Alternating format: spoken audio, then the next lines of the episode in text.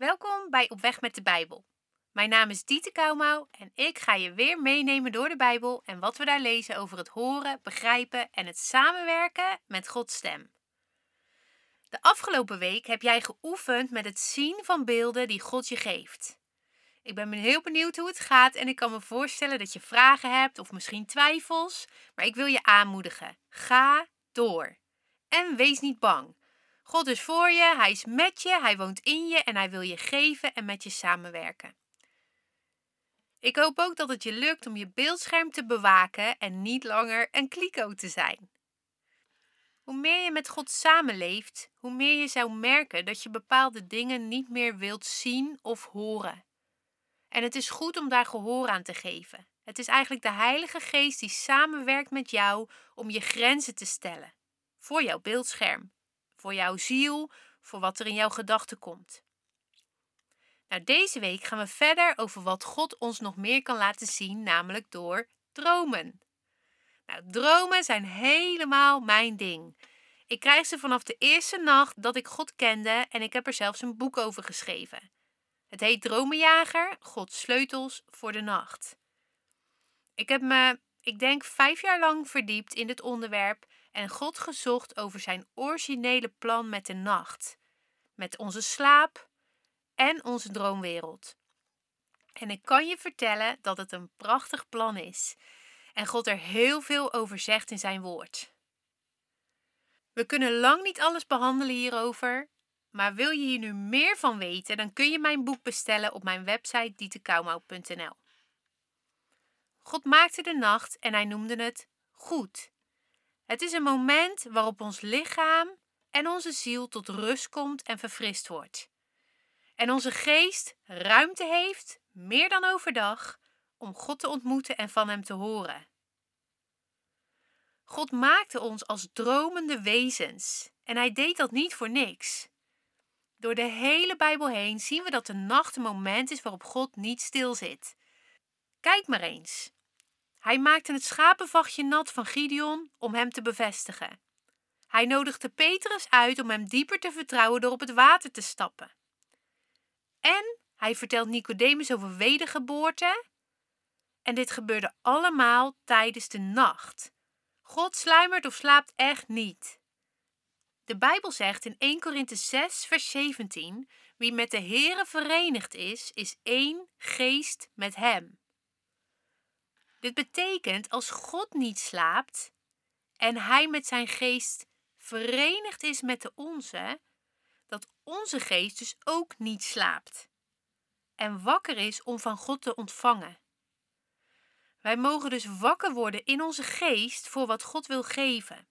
Net als met alle andere dingen waarop God spreekt, is het een kwestie van wakker worden. Hoe? Doordat je Gods waarheid hoort hierover. Dan weet je zijn wil en sta je er veel meer voor open dan dat je dit niet weet.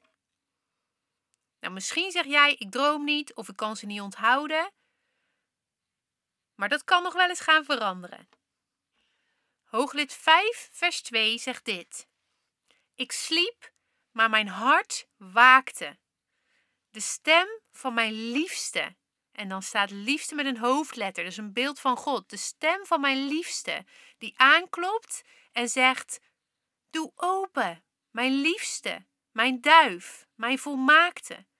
Want mijn hoofd is vol dauw en mijn haarlokken vol druppels van de nacht. Nou, deze tekst is echt een van mijn lievelingsteksten. Hier hoor je de liefde en passie van God die bij je wil zijn in de nacht en je oproept om wakker te worden en verwachting te hebben voordat Hij komt en spreekt. De dauw is in de Bijbel altijd een teken namelijk van zegen. En in deze tekst staat duidelijk dat God komt en hij komt niet alleen, hij komt met een hoofd vol dauw en druppels van de nacht. Dat betekent dat God komt met zegen om jou te geven. Jouw bed is dus ook een fantastische verwachtingspost om je hart af te stemmen met God voordat je gaat slapen. Hou dus ruimte op je beeldscherm, want God geeft het zijn geliefde in de nacht. Nog iets interessants wat ik al eerder heb verteld.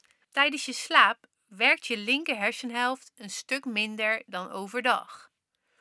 terwijl je rechter hersenhelft gewoon normaal functioneert. Dit betekent dat je juist in dromen dingen kan meemaken die zo raar en onlogisch lijken. Vaak word je wakker en denk je: hè, dat was raar, dat begrijp ik niet, dus het bestaat niet. Nou, misschien is dit herkenbaar. Terwijl God juist op heel nieuwe manieren kan spreken tijdens je slaap, juist omdat jij niet alles aan het analyseren bent. Wat kan helpen om je dromen te onthouden, maar ook te ontvangen, in plaats van gelijk weg te doen omdat ze zo raar zijn, is om je linker hersenhelft niet direct te prikkelen als je wakker wordt. Nou, hoe werkt dat nou? Op het moment dat jij wakker wordt, je telefoon pakt en gelijk je appjes, je Facebook en je Instagram gaat checken, je e-mail gaat openen, dan prikkel je je linker hersenhelft. En is de kans heel groot dat je binnen 10 minuten niks meer weet van de nacht waar je net uit wakker geworden bent. Terwijl wanneer je eventjes in zo'n sluimerstand blijft, je ogen sluit en je richt op God, dan laat de Heilige Geest je droom vaak weer in gedachten komen. Psalm 17, vers 15 zegt: Wanneer ik ontwaak, word ik verzadigd met uw beeld. Het is dus een prachtig moment om met God te zijn als je net wakker wordt of voordat je gaat slapen. Nou, wat doe jij nou vlak voordat je gaat slapen of wanneer je wakker wordt? En zou jij hier wat kleine aanpassingen in kunnen maken zodat je meer van God gaat horen? Dromen. God geeft ze aan koningen, leiders, maar ook aan ongelovigen, zoals de vrouw van Pilatus. En dat doet hij nog steeds. Overal ter wereld komen moslims en boeddhisten tot Jezus door dromen en ontmoetingen in de nacht. Geweldig.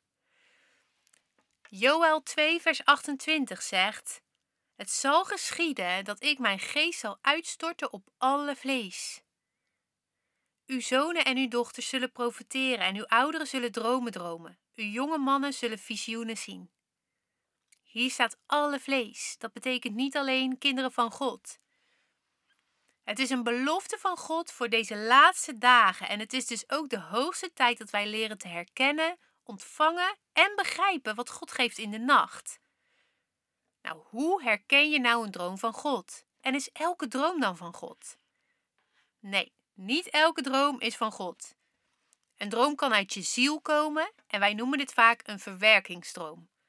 We geven er daarom weinig aandacht aan, maar ik heb gemerkt dat God fantastisch kan spreken door zielstromen. Hij wil namelijk dat het goed gaat met onze geest, ziel en lichaam. En wanneer er iets is in onze ziel wat ons verdrietig maakt, neerslachtig of angstig, dan kan God zoiets onder je aandacht brengen in een droom om je uit te nodigen bij Hem en er met Hem over te praten en voor te bidden, zodat Hij je vrij kan maken en dieper kan genezen in je ziel. Nou, een droom kan ook van de vijand komen. Maar let op, wanneer jij van Jezus bent en je hebt geen open deur naar het rijk der duisternis, dan heeft de vijand geen toegang tot jouw nachten. Het is echt een misverstand dat de vijand je dromen in en uit kan wandelen wanneer hij maar wilt. Als je herhaaldelijk nachtmerries hebt, dan is de kans heel groot dat er ergens een geestelijke deur open staat voor de vijand. Nou, die deur kan je sluiten met Jezus, zodat je nachten weer volledig van God worden. Geef hier dus aandacht aan. Praat er met iemand over uit je kerk of zoek daarin contact. En ik wil je ook aanmoedigen om mijn boek hierover te lezen, waar ik veel sleutels geef. Het is niet de bedoeling dat jouw nachten vol zijn van angst en van nachtmerries. Nou, dromen kunnen ook van God komen. En ik ga je vertellen hoe je deze herkent. Vaak is een droom van God helder. Helder kan betekenen dat hij helder is van kleur of van licht. Maar het kan ook zijn dat het gewoon een heel heldere droom is, die niet vaag is, maar je weet precies wat er gebeurde. Het kan een lang verhaal zijn, maar ook heel kort. Het is vaak ook iets wat je wakker schudt. Nou, misschien niet letterlijk wakker schudt, al kan dat wel. Maar dat je wakker wordt en denkt: zo, wat was dat? Je voelt je gewoon een beetje wakker geschud als het ware.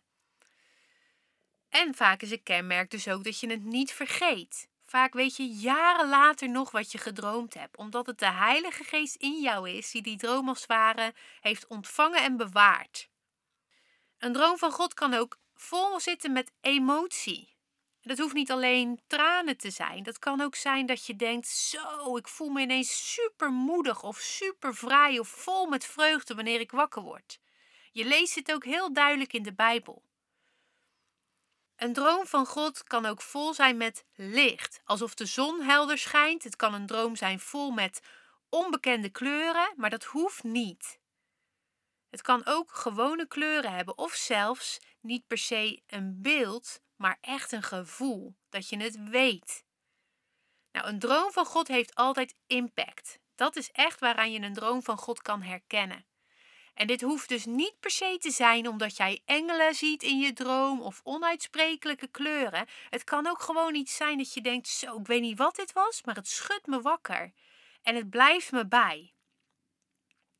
Wanneer je het vermoeden hebt dat je een droom van God hebt gekregen, bewaar hem dan. Schrijf hem op, ook als je het niet helemaal meer weet.